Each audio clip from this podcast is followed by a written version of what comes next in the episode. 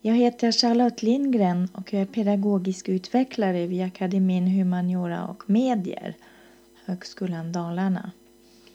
Tillsammans med Sören Johansson, universitetsadjunkt i ljud och musikproduktion och även han pedagogisk utvecklare har vi producerat denna podcast om grammatikundervisning i språk. Jag intervjuar Wei Hing Rosenqvist, lektor i kinesiska och Solveig Malmsten, lektor i svenska vid Högskolan Dalarna. De svarar på några frågor om sitt arbete med grammatikundervisning. Podden produceras för att uppmärksamma årets grammatikdag. Den 17 mars 2017 är det nämligen dags att fira grammatikdagen. Grammatikdagen är en temadag för att höja statusen för grammatik och sprida insikten att grammatik är roligt. Grammatikdagen är ett ideellt initiativ med Språkkonsulterna och Svensklärarföreningen som huvudarrangörer. Dagen firas på skolor och universitet. Mer information finns på www.grammatikdagen.se. På Högskolan Dalarna kommer vi att ha en öppen lunchträff på biblioteket i Falun med försäljning av grammatikbakelsen på Café Meli och lärare från åtta språkämnen som kommer att vara redo att svara på frågor om grammatik från andra lärare, administrativ personal, studenter och allmänheten. Välkomna! Wei Hing Rosenqvist, du arbetar vid Högskolan Dalarna sedan 2006 och du har undervisat i olika kurser, till exempel grundläggande kurser i kinesiska men också kinesiska i tal och skrift eller kandidatexamensarbete och eh, handledning inom lärarprogrammet.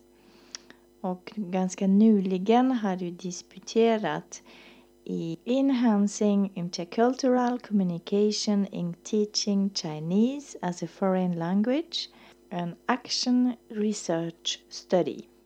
Hur stor plats tycker du att grammatikundervisning har i ditt språk, kinesiska, i förhållande till till exempel kulturundervisning, litteraturundervisning, muntlig språkfärdighet eller ordkunskap?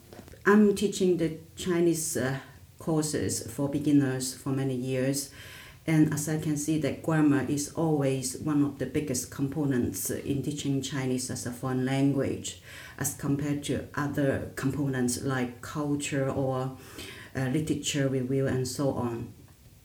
Uh, it is because uh, Chinese as a foreign language actually is an exotic language for Swedish students. So uh, at the beginning of the course, for beginner courses, I mean, uh, phonetic and grammatic teachings go hand in hand for most of the time uh, in our teaching because uh, we need to have our students to start learning this exotic language, especially the pronunciation, and also to learn the grammar so that they can formulate simple sentences. Uh, of course, later on, when they have uh, mastered the pronunciation skills, then they will learn more vocabularies. But grammar will always uh, be important in our teaching plan. Brukar du göra en koppling mellan grammatiken, alltså reglerna, och praktiken? I think the best way for students to learn grammar is to let them apply it as much as they can in their daily practice. Therefore, how to connect classroom activities to authentic world is one of the crucial questions for me when I'm preparing for my teaching. Uh, for example, I'm now teaching business for uh, business Chinese, and uh, one one lesson is about buying flight tickets. So one of the tasks that I assign to my student is to ask my student to uh, go to a Chinese website, a real one, and ask them to look at the information on the website and uh, you know, uh, create a dialogue between the ticket seller and them, mm. you know, based on the real situation. And I think uh, it is very important uh, for our students to really understand how the language is used in the real world. Um, actually, when I am teaching grammar, I can see that uh, Chinese grammar differs greatly from other European languages due to the uh, immense cultural differences. So when I am explaining, explaining some grammar points, I will not only explain the grammatical differences between the languages, but also from the cross-cultural perspective. Um, I can give another example here. Mm. So uh, even though both English, Chinese, and Swedish are the subject, verb, object languages, uh, Chinese word order differ from uh, the English and Swedish in some cases. One typical example is the word order for writing an address. Mm. In Chinese, we always uh, uh, in a descending order, starting from the largest or the biggest concept, that is the country, and move on to the smallest unit. So the last, the smallest units will be the room number of the receiver address.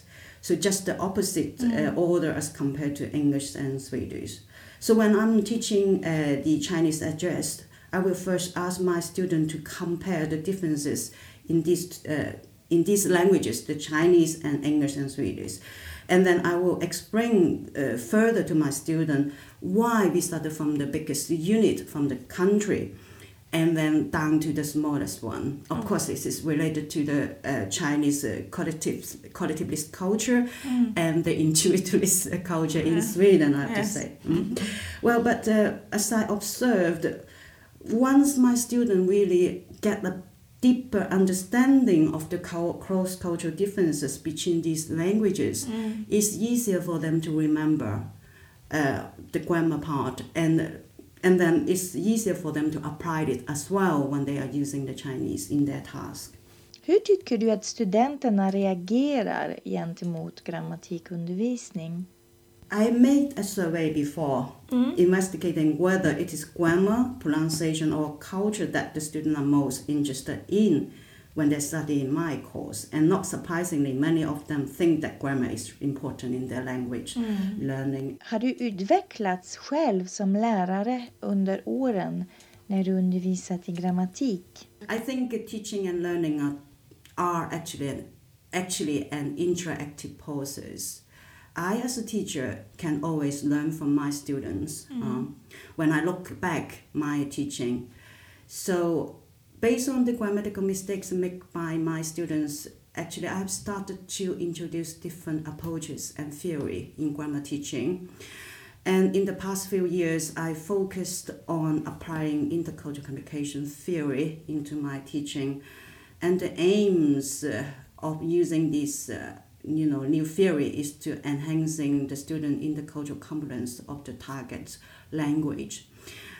When I apply the intercultural uh, communication theories, I try to explain the Chinese grammar to my students from the cross-cultural perspective of both languages, and that actually, as I observe, students uh, are more, uh, you know, um, getting a deeper understanding of the languages, and then they manage to perform better in that task. Okej. Yeah, so that is the, something I have found out lately or in recent years. Yes, okej.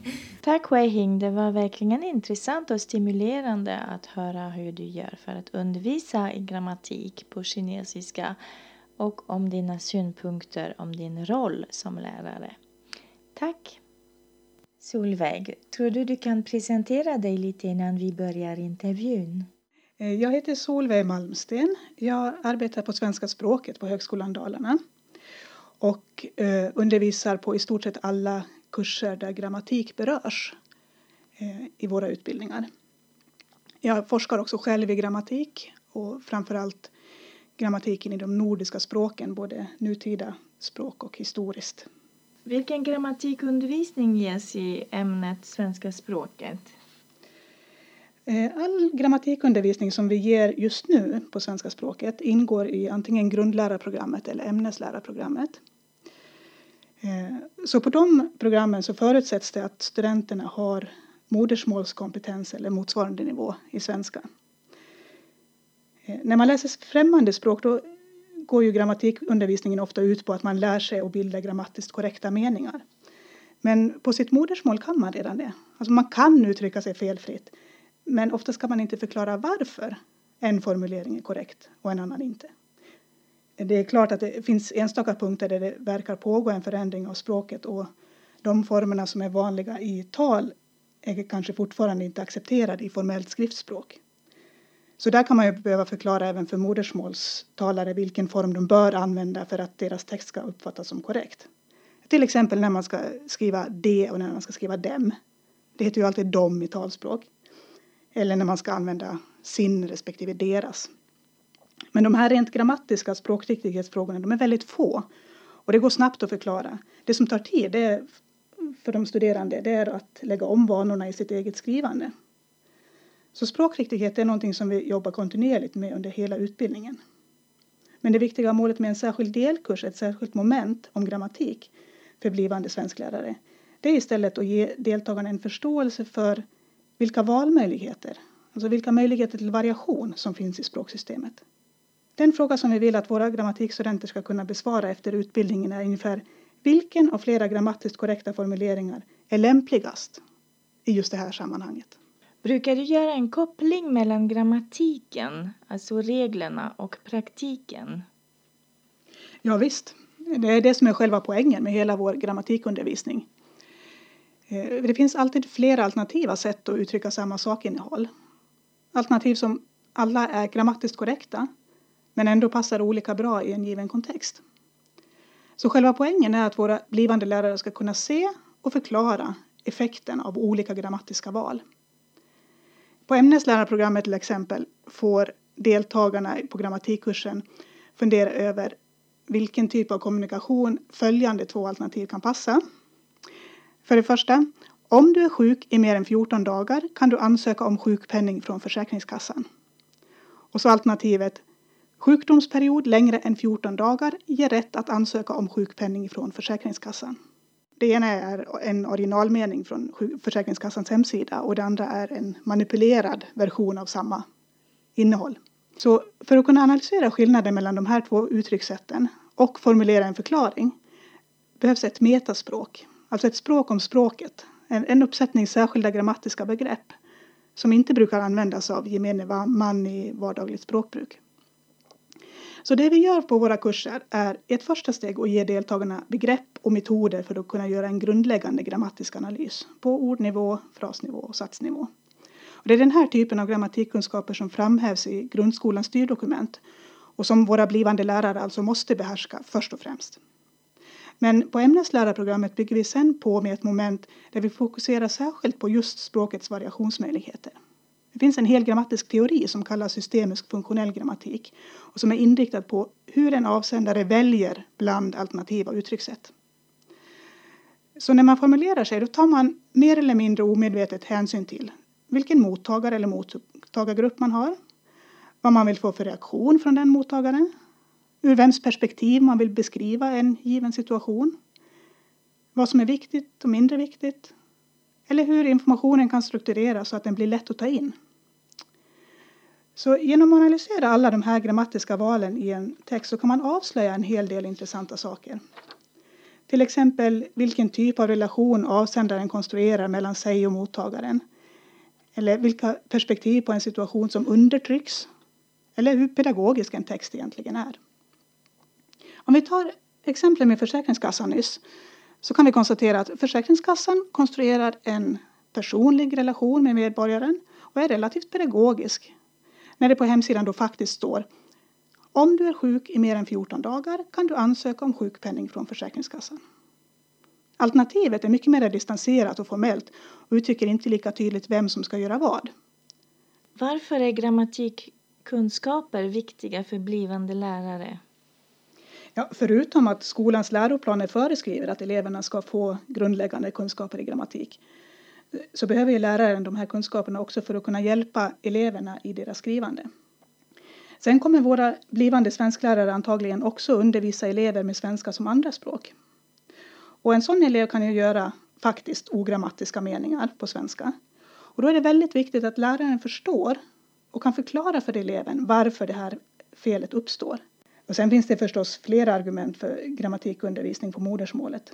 Vad använder du för material i din grammatikundervisning? Ja, faktabasen så att säga, den utgörs av läroböcker och föreläsningar som på de flesta kurser på universitetsnivå, oavsett vad ämnet är.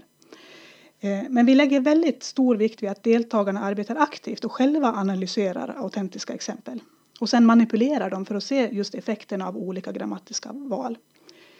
Eh, de här uppgifterna och övningarna som vi använder de har vi själva konstruerat för att de ska passa just våra didaktiska idéer. Och så tror jag faktiskt att väldigt många lärare, även lärare i främmande språk, jobbar när det gäller grammatiken speciellt.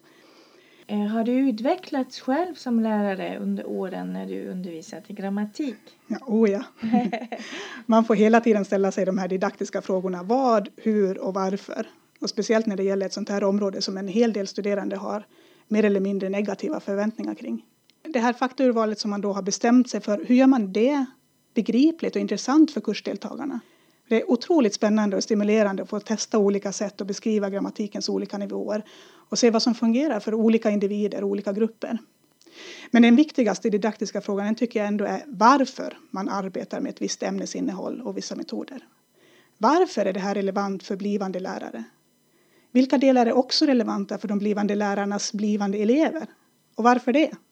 Så är det någonting jag vill lära ut till deltagarna i mina kurser så är det att aldrig sluta fråga varför det, varför det, varför det? Små barn är fantastiska förebilder. ja, tack. Tack Solveig för att jag har fått intervjua dig för vår podcast om grammatikundervisning. Jag tror också att mycket det du sa gäller inte bara för svenska men också för grammatikundervisning i främmande språk. Tack! Denna podcast om grammatikundervisning i språk producerades av Sören Johansson och Charlotte Lindgren. Podden är en intervju med Weihing Rosenqvist, lektor i kinesiska och Solveig Malmsten, lektor i svenska vid Högskolan Dalarna.